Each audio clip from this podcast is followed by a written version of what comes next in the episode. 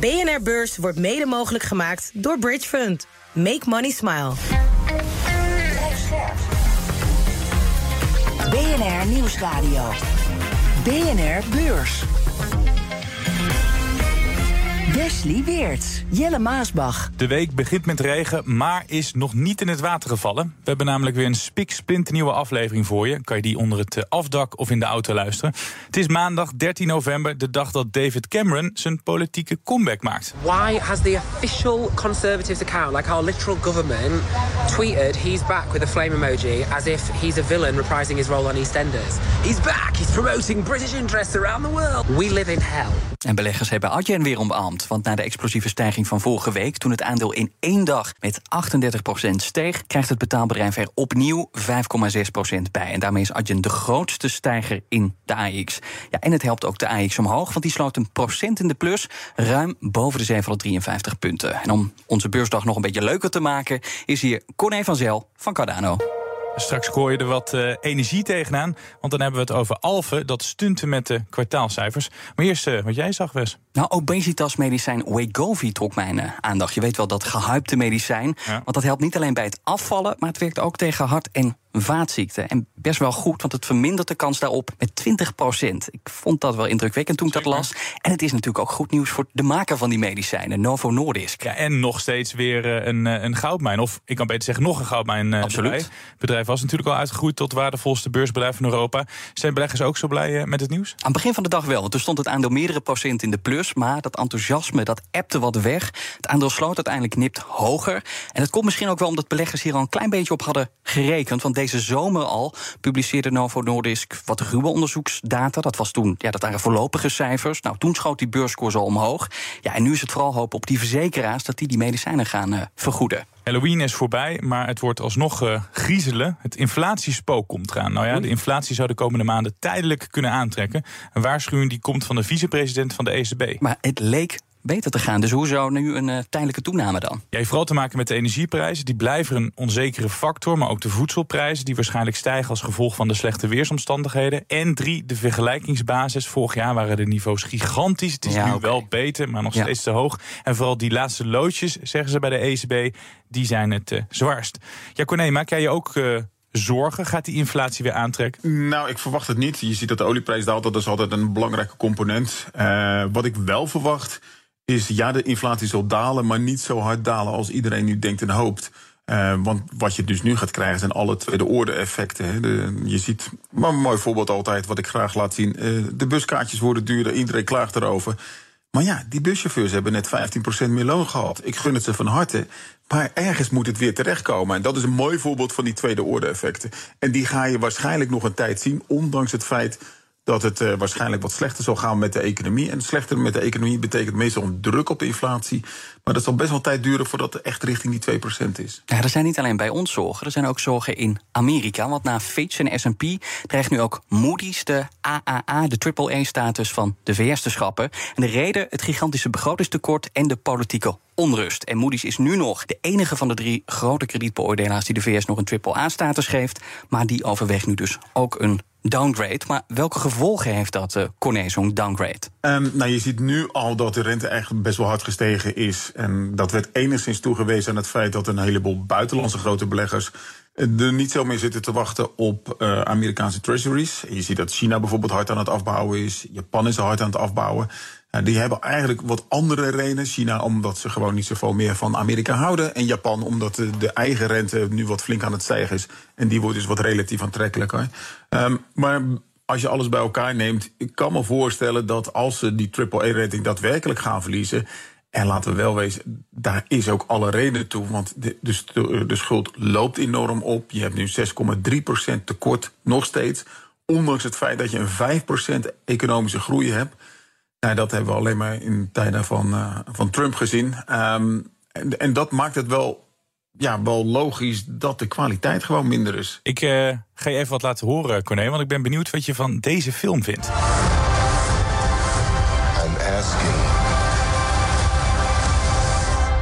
One last fight. Weet jij gelijk over welke film ik het heb? Ja, de nieuwe film die alvast eh vooruitblikt op de verkiezingen tussen Biden en Trump. Nee, ik heb geen flauw idee. nou, je bent niet de enige, want bijna niemand heeft hem gezien. Het uh, gaat over de Marvels, de nieuwe ja, maar film. je geeft ook de... niet zoveel weg natuurlijk. Nee, met die het is een beetje flauw ook. De nieuwe film uit de Marvel-reeks van Disney. En het lijkt erop alsof Disney die hele Marvel-franchise heeft uitgemolken. De film die ging namelijk afgelopen weekend in première. En het is een flop. Het meest beroerde openingsweekend voor een Marvel-film. Maar 47 miljoen dollar haalde die in Noord-Amerika op. Nou, om je een beeld te geven, het heeft uh, meer dan een kwart miljard gekost om te maken. Dus er zijn nog wat bezoekers nodig. Ja, ze hebben die uh, Star Wars franchise ook. De, nu ook die, die superhelden die ze helemaal aan het uitmelken zijn. Ben je ook bang dat ze die te veel uitmelken, Corné? Of zeg je, maakt me eigenlijk helemaal niks uit? nou, als belegger maakt het me wel wat uit. En je ziet dat de CEO zich daar ook wat zorgen over maakt. Hij heeft duidelijk gezegd van... Uh, nou, dat, hij, dat hij wel beseft dat ze bij een punt zijn gekomen.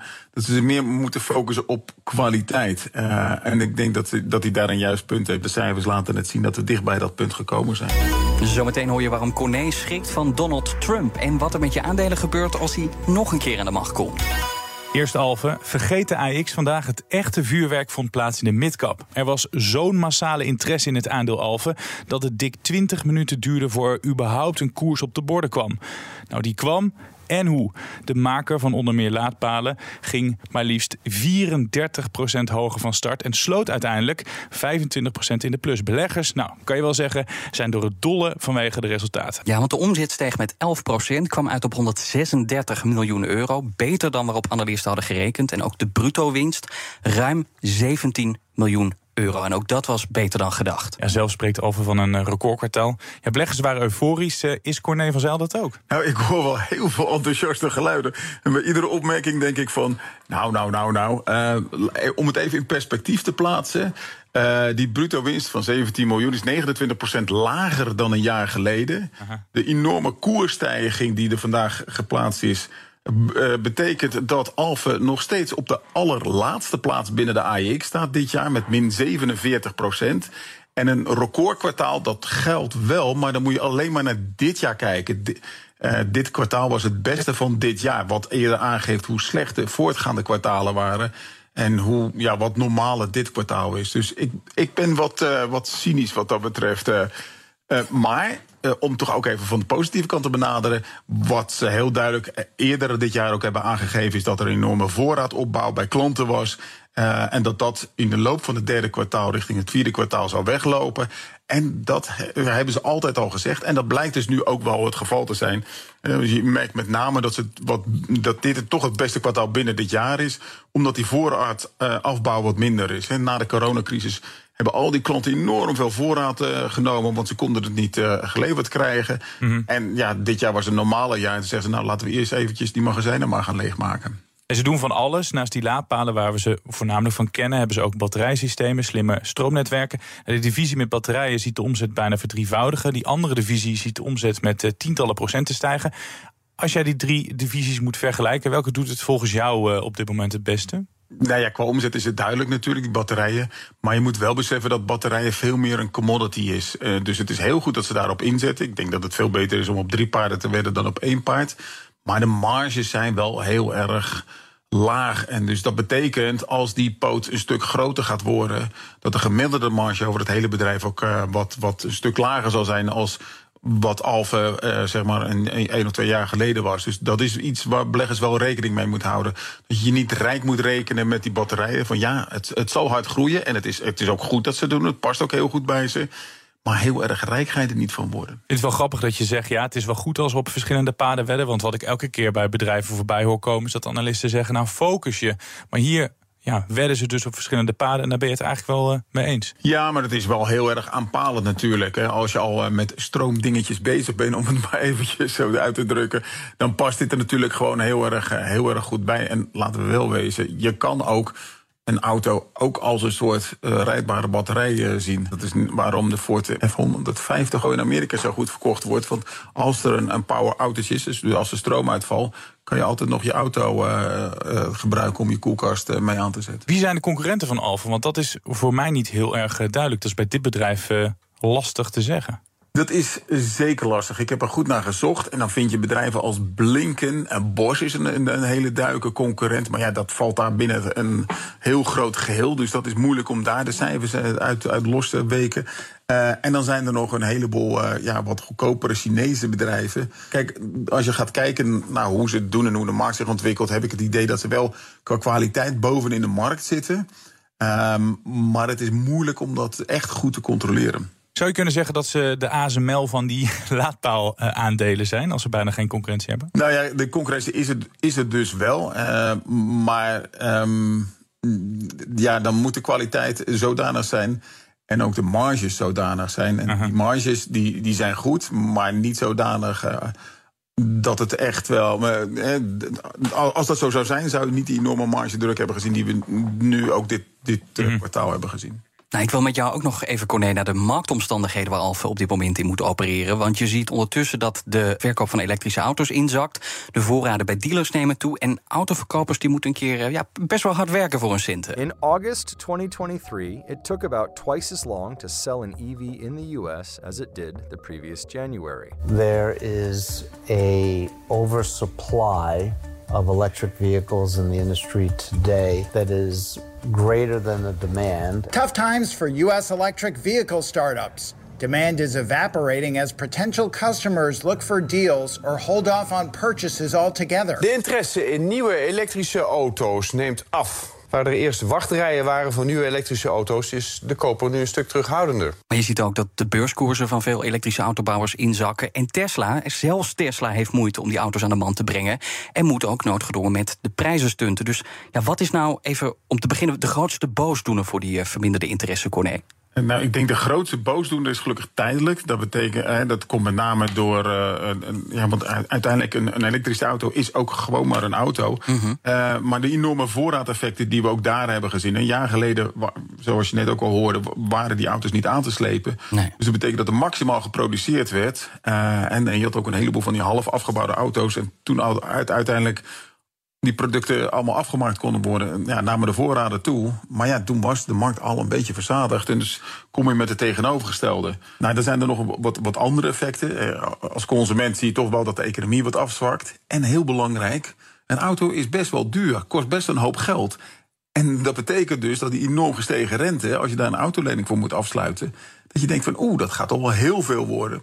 En dat is denk ik vooral in de Verenigde Staten een heel belangrijk effect. En het laatste effect wat we zien is uh, door de enorme prijsstunt die Tesla initieel begonnen is, ja, betekent het uh, wat je normaal gesproken ook in deflatieperioden ziet, hè, in tijden van dalende prijzen, dat je denkt van, nou weet je, die prijzen gaan zo hard naar beneden. Ik wacht nog maar eventjes met kopen. En ik, ik denk dat Tesla zo agressief is geweest dat je dat effect nu een beetje uh, terugziet. Betekent dat dan ook dat die elektrische autorevolutie even voorbij is, al dan niet tijdelijk? Ja, ik denk als je over de revolutie praat, denk je dat, dat je het altijd over het relatieve marktaandeel moet hebben. En ik denk dat dat zeker nog zal toenemen. Dat, dat lijkt me echt heel logisch. Uh, met name omdat het nog steeds flink gesubsidieerd wordt. Uh, Biden heeft daar het IRA-plannen, Inflation Reduction Act, uh, voorgenomen.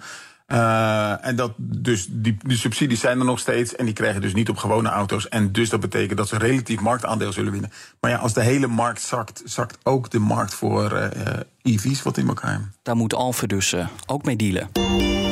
BNR Beurs. Dan Wall Street. Dow Jones staat twee tiende van de procent in de plus. De S&P 500 verliest een tiende. De Nasdaq verliest 0,2 procent.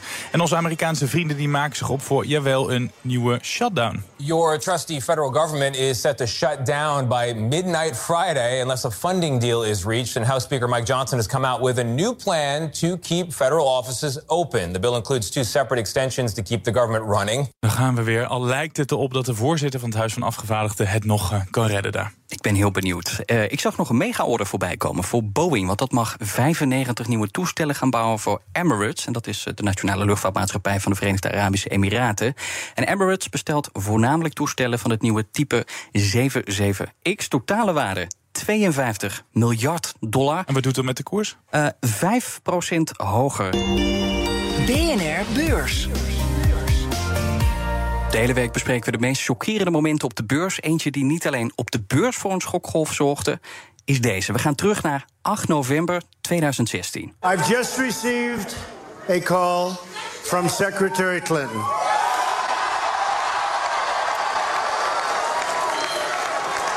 She congratulated us, it's about us, on our victory.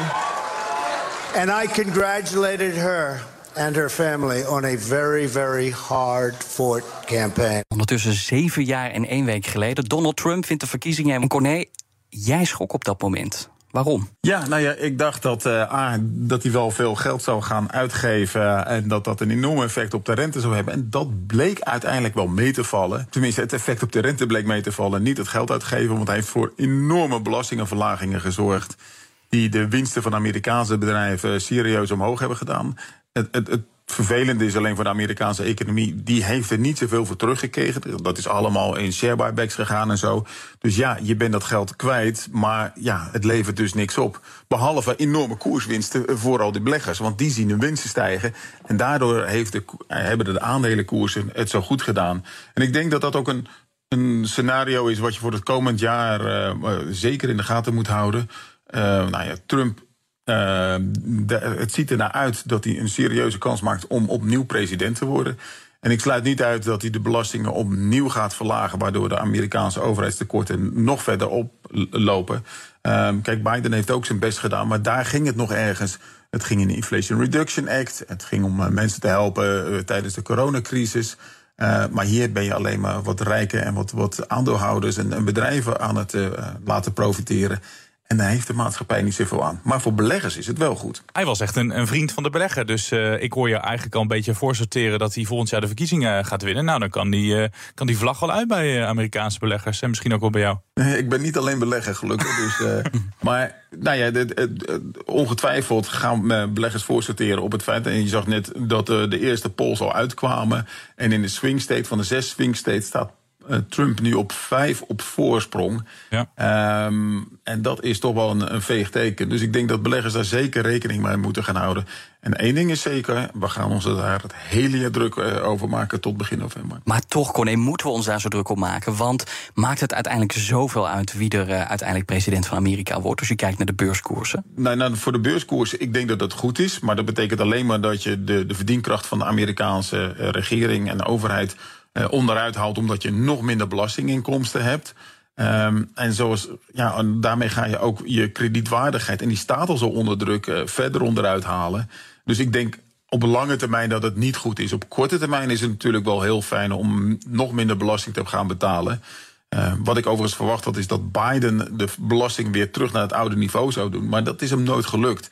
En waarmee dus ook daar de verdienkracht echt onder druk is komen te staan. Dus uh, hoe ga jij met die verkiezingen hier naar kijken? Gewoon rustig of toch wel met lichte zenuwen? Ik kijk altijd uh, rustig. Je kan er niks aan doen en het is zoals het is. En als het volk heeft gesproken, dan, dan heeft het volk gesproken. En als Trump de, de president daar wordt, ja, dat zij dan zo. Ik, ik ben wel bang dat het op lange termijn flinke negatieve consequenties gaat hebben met, met samenwerkingen tussen landen, tussen Europa en de Verenigde Staten bijvoorbeeld. De oorlog over met Oekraïne, dat soort zaken. Ik denk niet dat we er een betere wereld van krijgen, maar op korte termijn is het voor beleggers misschien wel positief.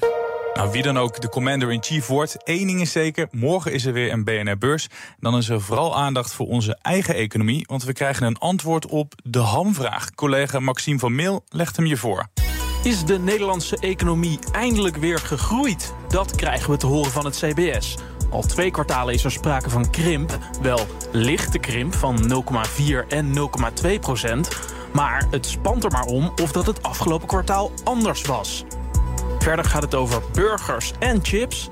De Britse topman van McDonald's moet verantwoording afleggen over een giftige werksfeer in zijn bedrijf. En chipmaker Foxconn laat de resultaten van het afgelopen kwartaal zien. En tot slot Fugro. Het houdt een beleggersdag. Ze mogen dan wel het letterlijke fundament voor de windmolenparken op de Noordzee zijn. Maar kunnen de beleggers ook nog wel op hen bouwen? Dat gaan we zien. Dit was de eerste van de week. BNR Beurs waarin je kon opladen met goed nieuws. In het geval van Alphenam, want dat kwam met uh, nou, aardige cijfers... waardoor de beurskoers door het dak ging. Een bedrijf waar geen stekker aan zit is Boeing. En ook dat bedrijf doet het goed. Het krijgt een mega-order en mag een factuur voor dik 50 miljard dollar opstellen. Wie ook mega is, is Corné van Zeil van Cardano, onze gast van vandaag. Ja, dankjewel Corné. En voor iedereen die luistert, heb je vragen? We hebben het al lang niet gezegd, maar bij deze stuur ze... Naar BNR Beurs bnr.nl. Nou, hier gaan we nog even op oefenen. bnrbeurs.bnr.nl. Tot morgen. Tot morgen. BNR Beurs wordt mede mogelijk gemaakt door Bridge Fund. Make money smile.